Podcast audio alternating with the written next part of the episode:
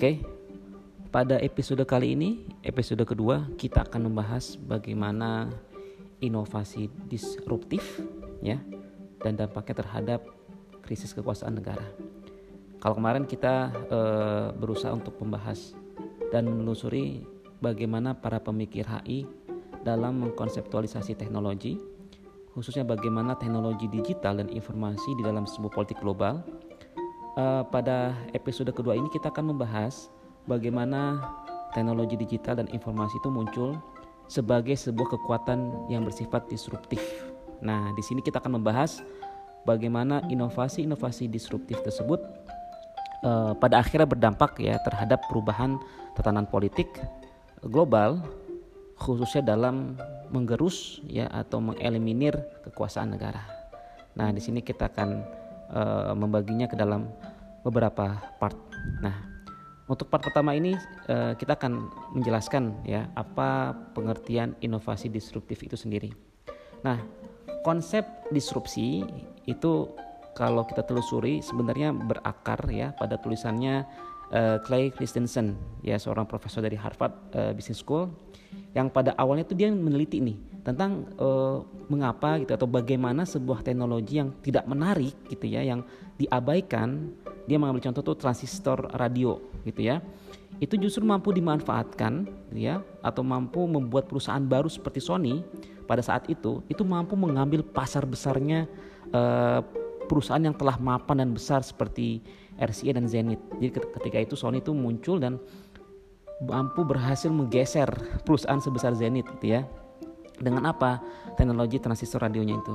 Nah, dalam penelitian tersebut, uh, Christensen mempertanyakan bagaimana perusahaan yang telah mapan tersebut itu mampu uh, berinvestasi secara agresif ya sukses untuk mempertahankan customer loyalnya tapi justru gagal untuk membuat investasi pada teknologi baru ya yang uh, dituntut oleh customer di masa depan gitu. Artinya dia tidak bisa melihat uh, apa kebutuhan di masa depan gitu. Dia hanya bisa melihat uh, mempertahankan apa yang telah ada gitu, tapi tidak mampu melihat sebuah uh, inovasi baru. Nah, uh, blind spot ya yang tidak dilihat oleh perusahaan besar ini kemudian dimanfaatkan oleh perusahaan-perusahaan baru gitu ya seperti Sony tadi untuk menemukan pangsa pasar baru yang terbatas. Jadi kan transistor radio itu kan nggak pernah dipakai gitu ya sebelumnya. Kemudian itu digunakan oleh Sony untuk menemukan customer yang terbatas atau pangsa pasar yang terbatas yang tidak pernah dilihat oleh perusahaan besar tersebut. Nah, setelah si uh, perusahaan baru ini berhasil membuktikan gitu ya nilai dari produk bagi pangsa pasar yang terbatas tersebut, nah barulah kemudian uh, mereka memperluas pasar dan pada akhirnya mampu menjatuhkan uh, apa yang telah mapan, apa yang telah berjalan sebelumnya gitu ya. Nah, dalam bukunya yang berjudul The Innovator Dilemma, Christensen mulai menelaah ya bagaimana e, berbagai industri ini mulai dari maskapai gitu ya, maskapai penerbangan hingga industri media itu melalui kacamata disrupsi ini. Nah, jadi kalau dalam konteks e, disrupsi ini sebenarnya dia berbeda dari sebuah e, revolusi gitu ya. Kalau kita lihat di KBBI itu disrupsi itu artinya tercerabut dari akarnya.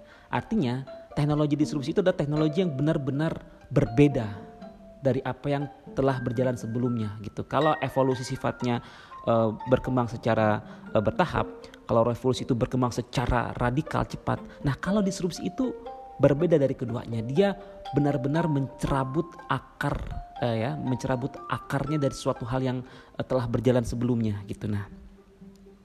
Jadi kemunculan inovasi disrupsi itu ya, ya dampaknya terhadap dinamika antar aktor dalam politik global itu sebenarnya dapat dilihat dari tiga fase utama gitu ya. Jadi teknologi digital sebagai sebuah teknologi disruptif itu ya karena dia benar-benar membuat suatu lompatan yang benar-benar uh, polanya tidak pernah ditemukan sebelumnya gitu ya. Makanya disebut dengan disrupsi gitu ya. Beda dengan uh, inovasi uh, atau uh, evolusi ya dia berbeda ya disrupsi itu benar-benar tercerabut dari akarnya benar-benar berbeda dari apa yang ada sebelumnya gitu nah nah ini uh, dampaknya gitu ya bagaimana sebuah inovasi disrupsi itu inovasi yang bersifat disruptif itu uh, mampu uh, berdampak terhadap sebuah dinamika politik global itu dapat dilihat dari uh, tiga fase utama ya atau tiga hal utama ya. Pertama kemunculan inovasi uh, disruptif ya sebagai liberation technology. Jadi bagaimana uh, inovasi-inovasi disruptif ini itu muncul sebagai teknologi pembebasan ya. Apa sih yang dimaksud dengan liberation technology itu? Artinya teknologi pembebasan itu uh, disematkan gitu ya digunakan untuk menjelaskan bagaimana internet gitu ya atau teknologi digital secara efektif dan masif digunakan oleh jejaring jejaring-jejaring hacker internasional gitu ya untuk membantu gerakan-gerakan pembebasan yang terjadi di belahan dunia uh, ketika itu Arab Spring ya konteksnya untuk melawan rezim-rezim otoriter. Jadi bagaimana jaringan hacker global itu yang tergabung dalam telekomics ya, misalnya itu membantu aktivis-aktivis uh, ya pada peristiwa Arab Spring untuk dapat melindungi jalur komunikasinya para demonstran, para aktivis untuk bisa tetap uh, bertahan melawan pemerintahan otoriter mereka. Nah di Suriah itu kan jaringan hacker itu membantu masyarakat agar dapat terhubung ke internet, agar dapat terus melawan pemerintahan Assad. Nah, dari fase yang pertama gitu ya, kemunculan uh, inovasi disruptif sebagai sebuah liberation technology, kemudian pada akhirnya akan menghasilkan sebuah apa yang dinamakan dengan digital arm race, ya, sebagai konsekuensi dari perlawanan balik negara dalam menghadapi liberation teknologi tersebut. Tadi kan bagaimana teknologi digital, teknologi informasi dimanfaatkan ya untuk membebaskan gitu ya, untuk melawan sebuah uh, otoriter gitu ya ke rezim otoriter. Nah, sekarang bagaimana pada akhirnya ketika negara disudutkan ya, negara disudutkan dengan uh, liberation teknologi tersebut, negara fight back ya, negara melawan balik. Nah, perlawanan balik negara inilah yang pada akhirnya akan menciptakan ya dan menimbulkan sebuah digital arm race ya persaingan teknologi digital persaingan senjata digital nah ketika gerakan hacker itu semakin intens melakukan serangan ya negara pada akhirnya nggak tinggal diam gitu ya negara e, mulai meningkatkan kapasitas surveillance-nya ya pengawasannya mata-matanya dalam mengawasi seluruh aktivitas masyarakat. Nah, dalam kasus Suriah misalnya pemerintah Assad itu justru menyewa teknologi khusus untuk memecah jalur internet para pemberontak. Jadi dia ada provider gitu ya di yang digunakan oleh uh, Assad untuk bisa mengacaukan jalur komunikasi, jalur internetnya para pemberontak. Nah, nggak tinggal diam nih. Para pemberontak pun kemudian dipersenjatai balik oleh Amerika gitu ya dengan teknologi serupa gitu untuk mengimbangi langkah si Asad gitu ya dalam memecah jalur internet tersebut. Nah di sinilah kan muncul nih uh, sebuah persaingan teknologi, persaingan uh, digital amres tadi ya.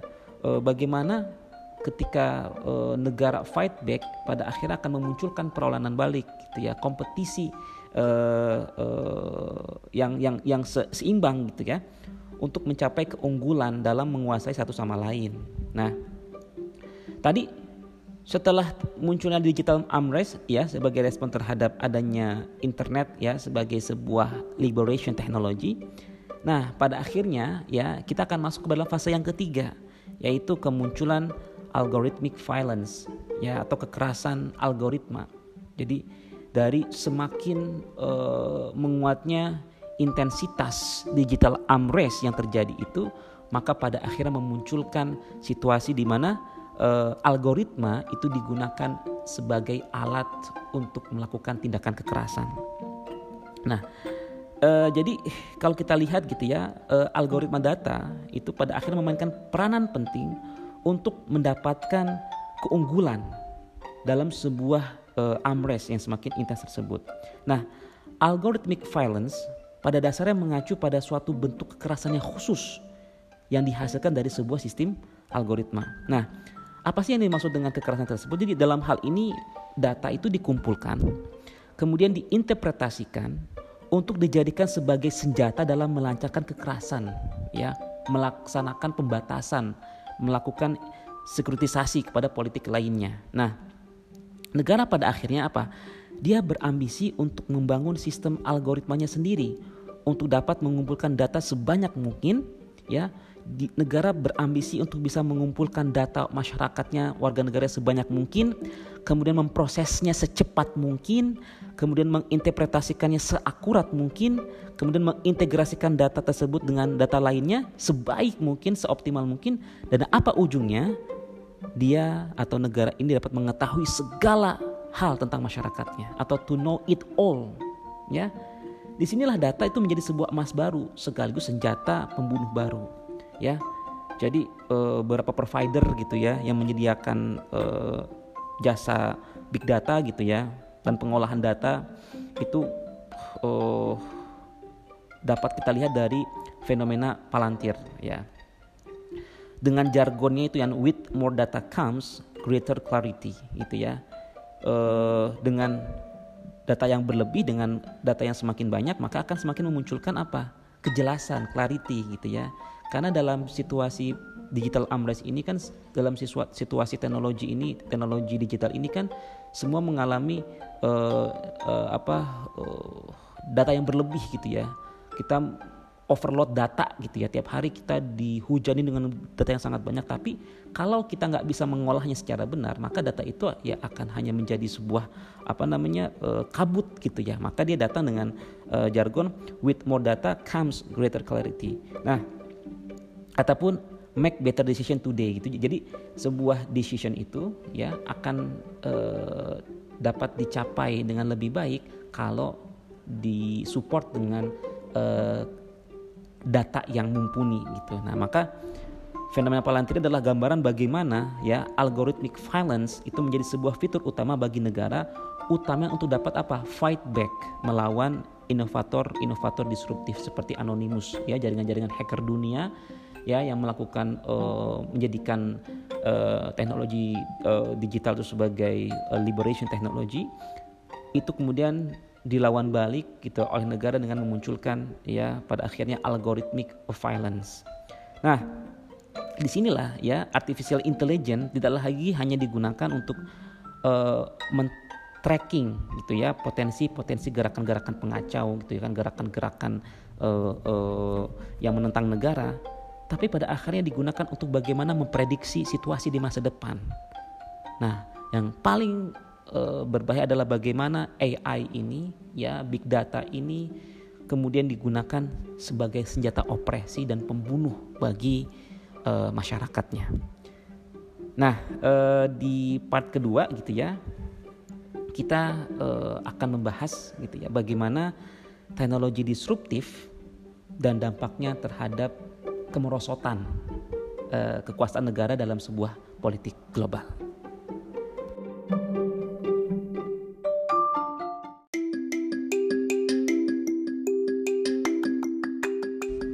Oke, sekarang kita berlanjut kepada uh, part kedua ya. Kita akan membahas bagaimana uh, teknologi disruptif dan dampaknya terhadap uh, kemerosotan uh, negara dalam sebuah politik global kalau dilihat dari pembahasan sebelumnya gitu ya, terlepas dari efektif atau tidaknya, itu kan negara sangat berambisi ya untuk dapat melawan balik gangguan yang dilancarkan oleh aktor-aktor disruptif ya semacam anonimus tadi. Nah, terlepas dari bagaimana fight back yang dilakukan oleh negara dan bagaimana itu berhasil gitu ya, keberhasil, tingkat keberhasilannya.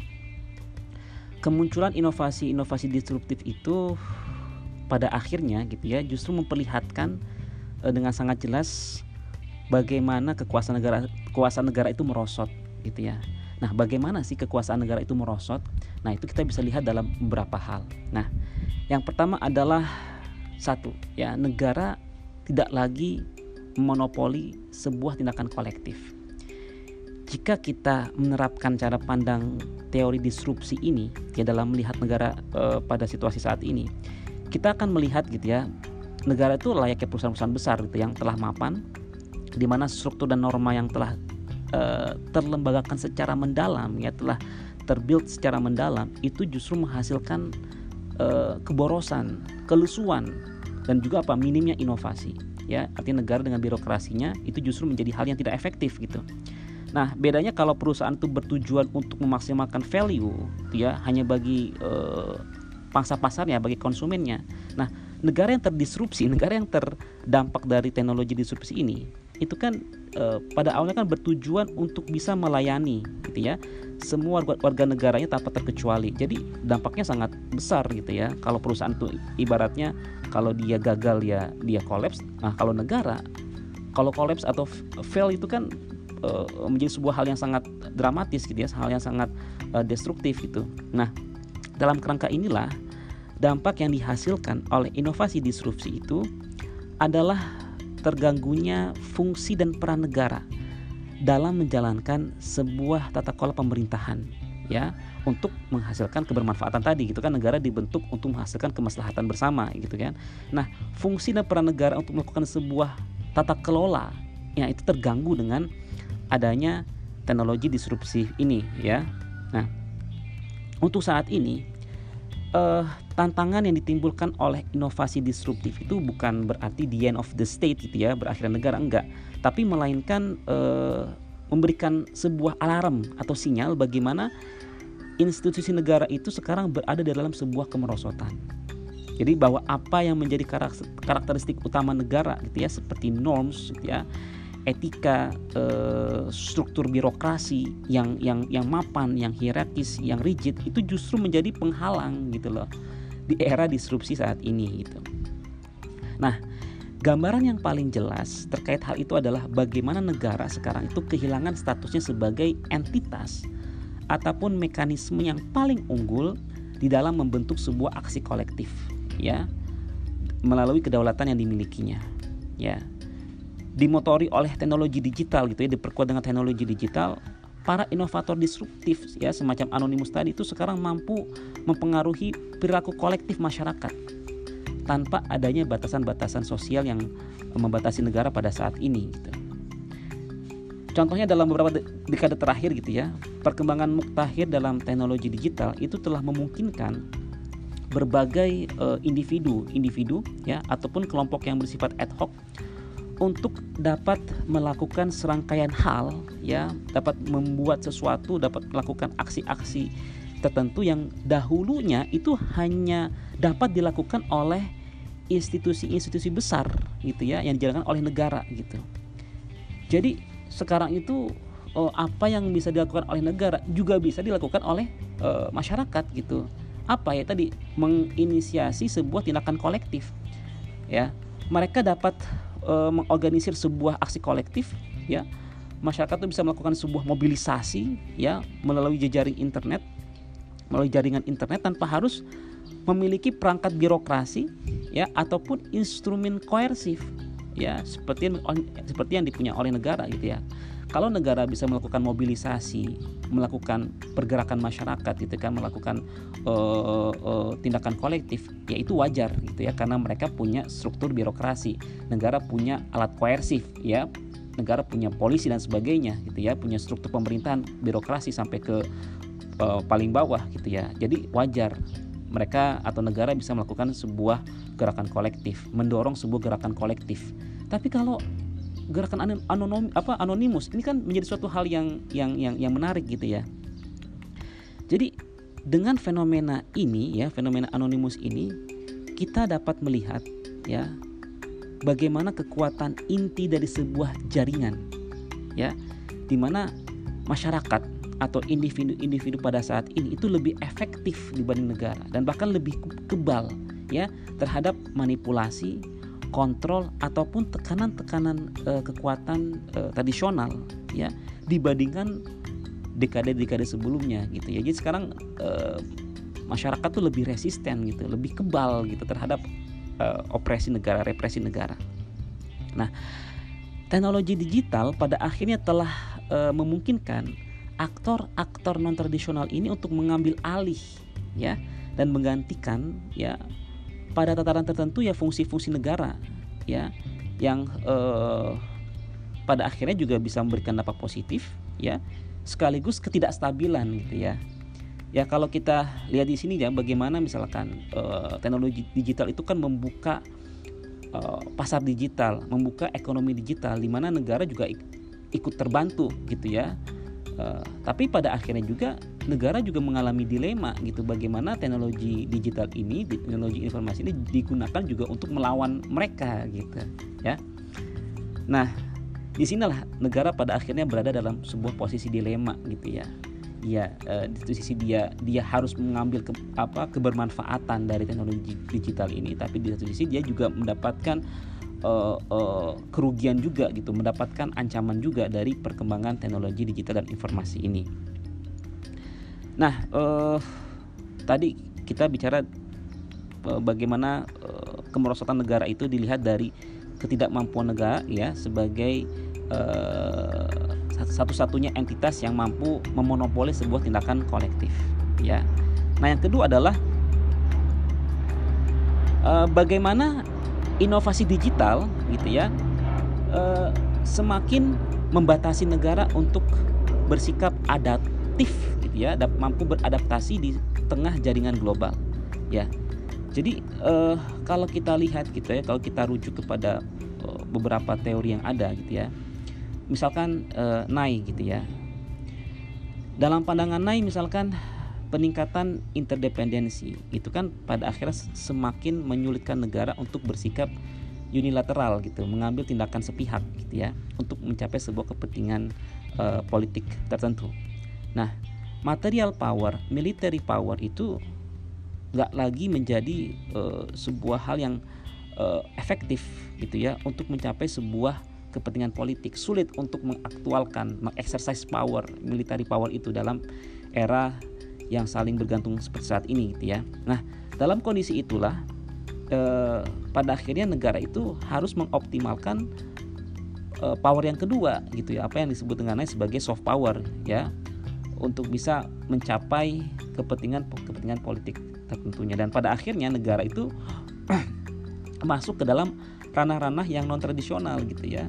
Ranah-ranah yang tadi sebelumnya ya bukan menjadi domain negara lah budaya gitu ya pop culture gitu gitu kan adalah ranah-ranah yang tidak tradisional bagi negara. Tapi negara pada akhirnya dipaksa masuk ke situ ya supaya tetap bisa survive gitu. Dia harus e, mampu menggunakan soft power yang dimilikinya gitu ya. Value-nya itu untuk bisa atraktif ya membuat sebuah attractiveness e, bagi aktor lainnya guna mencapai sebuah kepentingan politik. Nah ini adalah salah satu bentuk bagaimana negara itu dipaksa bersikap adaptif di tengah uh, jaringan global itu menurut Nahi.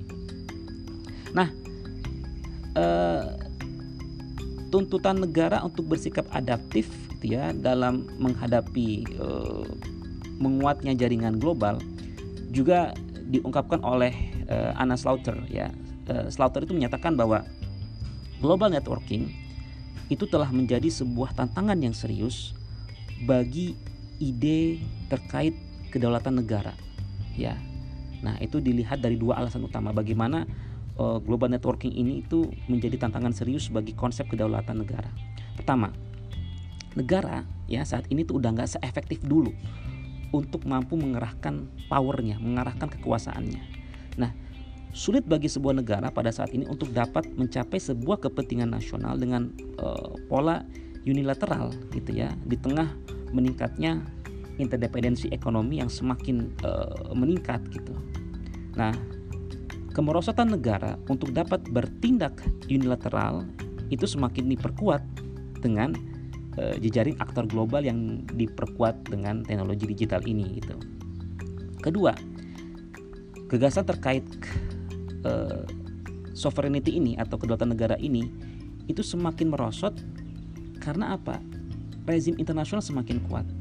Contoh nih misalkan norma uh, responsibility to protect ya R2P itu kan pada akhirnya menempatkan uh, kedaulatan negara itu menjadi kondisional gitu, bergantung bergantung terhadap apa sejauh mana negara mampu melindungi warga negaranya. Artinya kedaulatan negara itu sifatnya kondisional.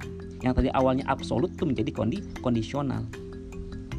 Dalam hal ini gitu ya, legitimasi sebuah kedaulatan itu tidak lagi didasarkan hanya sekedar pada kemampuan negara untuk mampu menegakkan ketertiban, order ya melalui instrumen koersif yang e, dimilikinya dalam suatu wilayah teritorial tertentu. Artinya bagaimana negara itu mampu menegakkan ketertiban dengan kekuatan, e, koersif itu nggak lagi seperti itu diukurnya sebuah kedaulatan itu, tapi didasarkan pada kemampuan negara untuk dapat menjalankan tanggung jawab responsibilitas terhadap warga negaranya dengan apa? keterlibatan aktif di dalam sebuah jaringan pemerintahan global. Nah, atau yang dikenal dengan sovereignty as responsibility. Artinya kedaulatan itu dipahami sebagai tanggung jawab. Ya, sovereignty as responsibility. Nah, pentingnya jaringan global ya dalam menyelesaikan berbagai persoalan global yang bersifat lintas batas itu dengan saling bertukar informasi yang berkolaborasi antar negara uh, pada akhirnya tadi mendorong ide ya uh, mendorong munculnya ide uh, tentang kedaulatan yang sifatnya berbeda dengan pemahaman kedaulatan di era-era sebelumnya gitu ya. Maka sekarang juga muncul yang namanya network sovereignty gitu ya di mana kedaulatan negara itu dicapai dengan berjejaring gitu ya. Karena karena sekarang nggak negara tuh nggak mampu lagi menyelesaikan secara unilateral gitu ya. Artinya kedaulatan dia untuk bisa memenuhi kebutuhan warga negaranya harus dicapai dengan sebuah jaringan global. Maka memunculkan konsep network sovereignty. Nah e, meskipun pada dasarnya gitu ya Nye ataupun Slaughter itu tetap melihat negara sebagai aktor yang dominan gitu ya e, dengan mengedepankan sisi adaptif. Artinya e, Nye dan Slaughter itu apa meyakinkan para pembacanya bahwa negara itu beradaptasi gitu ya. Tapi kalau kita lihat kemampuan negara untuk beradaptasi tersebut itu semakin lemah gitu ya. Dengan apa? Dengan kemunculan teknologi digital. Karena di satu sisi teknologi digital itu ya semakin memberdayakan aktor-aktor disruptif ya yang pada akhir pada akhirnya itu membatasi kemampuan uh, adaptasi negara tersebut Artinya tanpa adanya adaptasi, tanpa uh, adanya teknologi digital, negara tuh sekarang tergopoh-gopoh dalam tanda kutip gitu ya untuk bisa uh, bermain dalam sebuah jaringan global. Nah, apalagi sekarang ditambah dengan kemunculan teknologi digital yang semakin tergopoh-gopoh lagi gitu ya. Jadi teknologi digital itu ya atau teknologi informasi itu meningkatkan kekuatan dari sebuah jejaring atau sebuah jaringan ya networking ya uh, Kenapa? Karena dengan adanya e, teknologi digital, teknologi informasi, itu dia mampu mengatasi persoalan rumit terkait koordinasi, komunikasi, kompleksitas e, apa namanya e, e, distribusi informasi, ya, yang pada era sebelumnya sangat sulit untuk dicapai, tapi dengan era digital saat ini distribusi informasi, kemudahan untuk berkoordinasi itu dapat dicapai gitu. Nah, dengan semakin mudahnya suatu ide, suatu nilai gitu kan tersebar. Ini kan dalam konsep uh, jejaring ya. Konsep jaringan itu kan bagaimana uh, suatu titik dapat mentransfer ya goods ya baik itu nilai ide ke titik lainnya nodes lainnya itu inilah yang menjadi sebuah kekuatan jaringan gitu ya the power of network gitu ya nah the power of network ini itu semakin teraktualkan dengan adanya teknologi digital Nah, selanjutnya kita akan masuk kepada uh, part yang terakhir gitu ya tentang uh, bagaimana uh, inovasi disruptif itu uh, mendorong terjadinya sebuah uh, revolusi dari karakteristik kekuasaan di dalam sebuah politik global.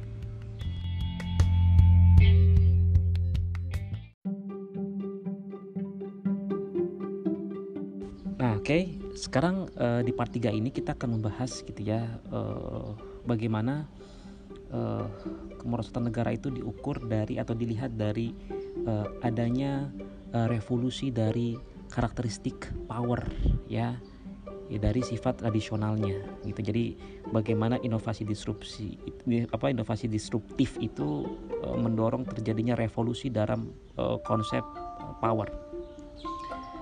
Jadi era uh, revolusi digital gitu ya dan informasi itu pada akhirnya mendorong terbentuknya karakteristik power yang tidak terstruktur gitu, tidak hierarkis dan sifatnya cair gitu.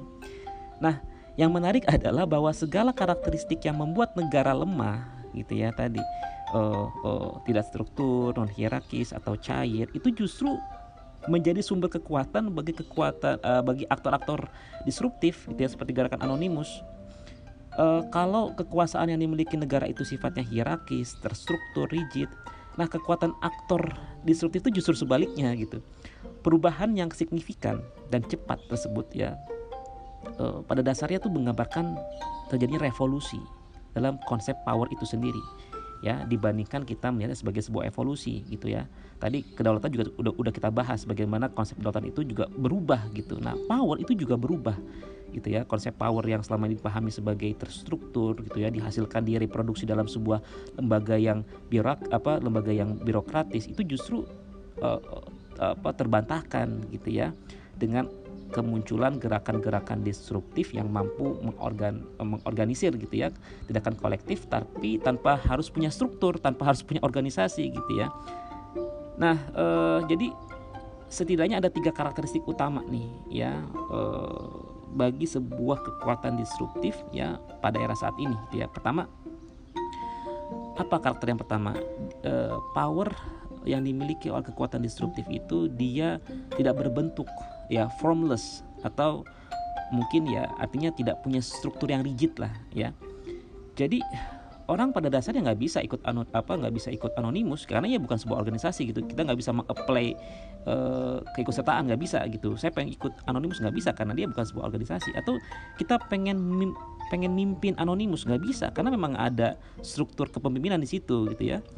Jadi anonimus itu ya bukan sebuah klub bukan sebuah partai bahkan bukan sebuah gerakan gitu ya. Jadi nggak ada pemimpin nggak ada leadership nggak ada pengawas dan nggak ada ideologi nah tentu kan hal ini kontras banget gitu ya eh, dengan struktur hierarkis yang eh, menjadi pusat kekuatan dari sebuah lembaga tradisional semacam negara gitu. Nah lalu bagaimana nih kita memahami aktor gitu ya dengan kekuatan yang signifikan gitu ya pada saat era digital saat ini tapi uh, nggak punya struktur kelembagaan gitu ya. Nah jawaban yang paling simpel adalah Eh, bahwa grup seperti Anonymous itu bisa efektif gitu ya tanpa harus punya birokrasi dan dan lain sebagainya karena dia dijalankan dalam sebuah pola networking atau jaringan gitu ya. Nah, pola komunikasi dalam sebuah jaringan itu kan e, sifatnya tidak terpusat ya, dia ter, e, ter, tersebar. Nah, jadi apalagi ketika mereka merencanakan sebuah aksi itu kan diorganisir dalam berbagai macam platform digital gitu ya. Nah, nah keluasan semacam ini yang justru uh, apa memungkinkan ya pertumbuhan kekuatan bagi aktor-aktor disruptif semacam anonymous tadi. Nah, jadi misalkan dalam sebuah uh, jaringan hacker internasional gitu ya, itu kan teknologi digital itu memungkinkan orang untuk anonim, untuk tetap anonim, tidak diketahui sambil mereka tetap bisa berinteraksi sambil berkoordinasi tapi mereka nggak mengetahui satu sama lain. Itu kan sebuah hal yang menarik gitu ya. Nah inilah yang justru menjadi ciri uh, uh, kekuatan dari uh, teknologi apa kekuatan disruptif pada saat ini gitu ya. Dia formless tidak terstruktur. Nah selain pola komunikasinya nggak apa ya tidak terpusat dia menyebar ya.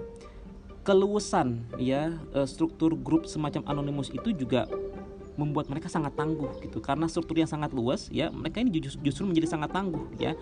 Misalkan ketika sebagian hacker itu ditangkap oleh negara gitu ya. Nah dengan sangat mudahnya orang lain akan meneruskan gitu ya apalagi ketika misalkan sebuah jaringan tuh diblok oleh negara ditutup. Nah akses lainnya akan terbuka dengan mudah oleh uh, hacker lainnya gitu. Nah dengan pola semacam ini uh, resilient gitu ya ketahanan gitu kan itu memungkinkan arus koordinasi, informasi dan interaksi itu sulit untuk diputuskan karena mereka sangat tangguh. Gitu ya, ketika dipecah satu akan muncul lainnya. Dihancurkan satu akan muncul jaringan lainnya. Nah, yang tentunya akan membuat aktor yang uh, terstruktur birokratis semacam negara itu menjadi sangat frustasi gitu ya. Nah, kemudian karakteristik yang kedua adalah ketidakstabilan ya atau instability. Nah, sebuah dalam sebuah jaringan digital gitu ya, kita tahu bagaimana informasi itu kan inovasi bergerak dalam hitungan yang sangat cepat gitu ya. Pace-nya itu sangat cepat hitungan detik kita gitu, hitungan hari hitungan hitungan bulan misalkan. Hari ini ada inovasi besoknya adalah inovasi baru lagi inovasi baru lagi gitu kan. Nah uh, jadi pada akhirnya ini situasi yang tidak stabil ini kan menyebabkan uh, uh, sesuatu itu sulit untuk diprediksi gitu kan. Memunculkan ketidakstabilan uncertainty gitu ke, ketidakpastian. Nah dengan struktur yang uh, tidak terkonsentrasi tidak dan luas kelompok semacam anonimus ini is, itu justru dapat berkembang gitu. Ya berkembang pesat dengan uh, situasi yang seperti ini gitu. Dan sebaliknya mereka justru mampu memanfaatkan kelemahan aktor tradisional gitu ya semacam negara yang memang sangat butuh kepastian sangat butuh uh, predictability gitu ya kepastian pengetahuan gitu. Nah pada akhirnya produksi informasi itu berjalan di luar kapasitas kita untuk bisa mencernanya gitu ya. E, kalau kita lihat misalkan kita tiap hari dihujani dengan berbagai informasi overload gitu kan dan kita pada akhirnya kita nggak bisa mampu melihat sebuah hal itu sebagai satu kesatuan gitu kan sebagai sebuah hal yang terpisah-pisah gitu kan. Ada informasi A B C D.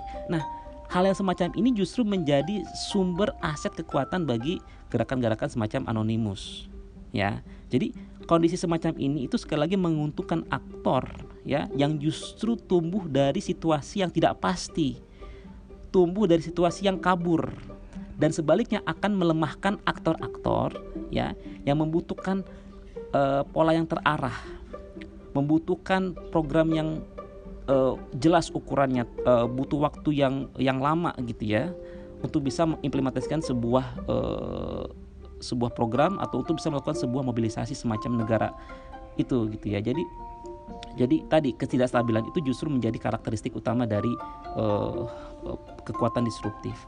Nah, yang ketiga adalah karakteristik kolaboratif, ya. Kita mungkin agak sedikit terkejut ya bagaimana grup yang nggak ada pola komunikasinya yang terpusat gitu ya, itu justru mampu menghasilkan sebuah aksi kolektif. Ketika sebuah orang, uh, sebuah hacker gitu ya, merusak sebuah jaringan dia mengundang hacker-hacker lainnya dan secara kolektif mereka melakukan itu gitu. Tapi tanpa harus tahu satu sama lain gitu ya. Nah bagaimana sih gerakan yang yang nggak punya struktur ini mampu menciptakan sebuah aksi kolektif? Nah itu kan menjadi sebuah pertanyaan yang yang besar gitu ya.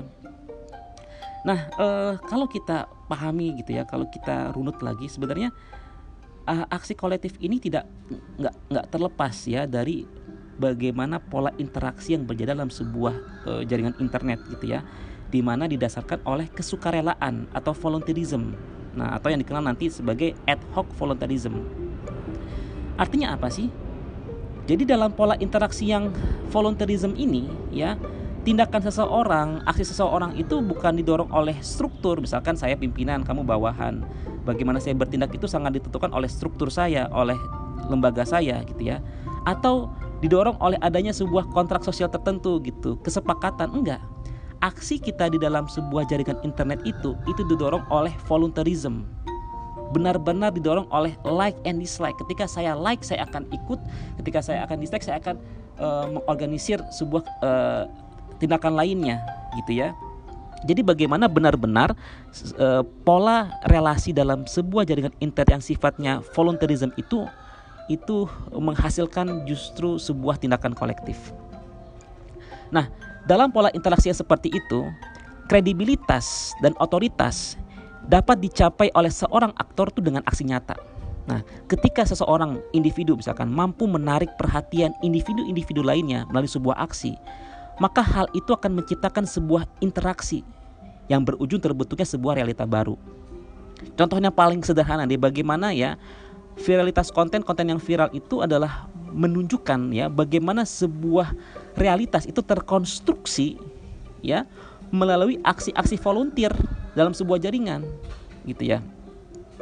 Kayak misalkan kita uh, uh, kita lihat ada challenge challenge di TikTok gitu ya.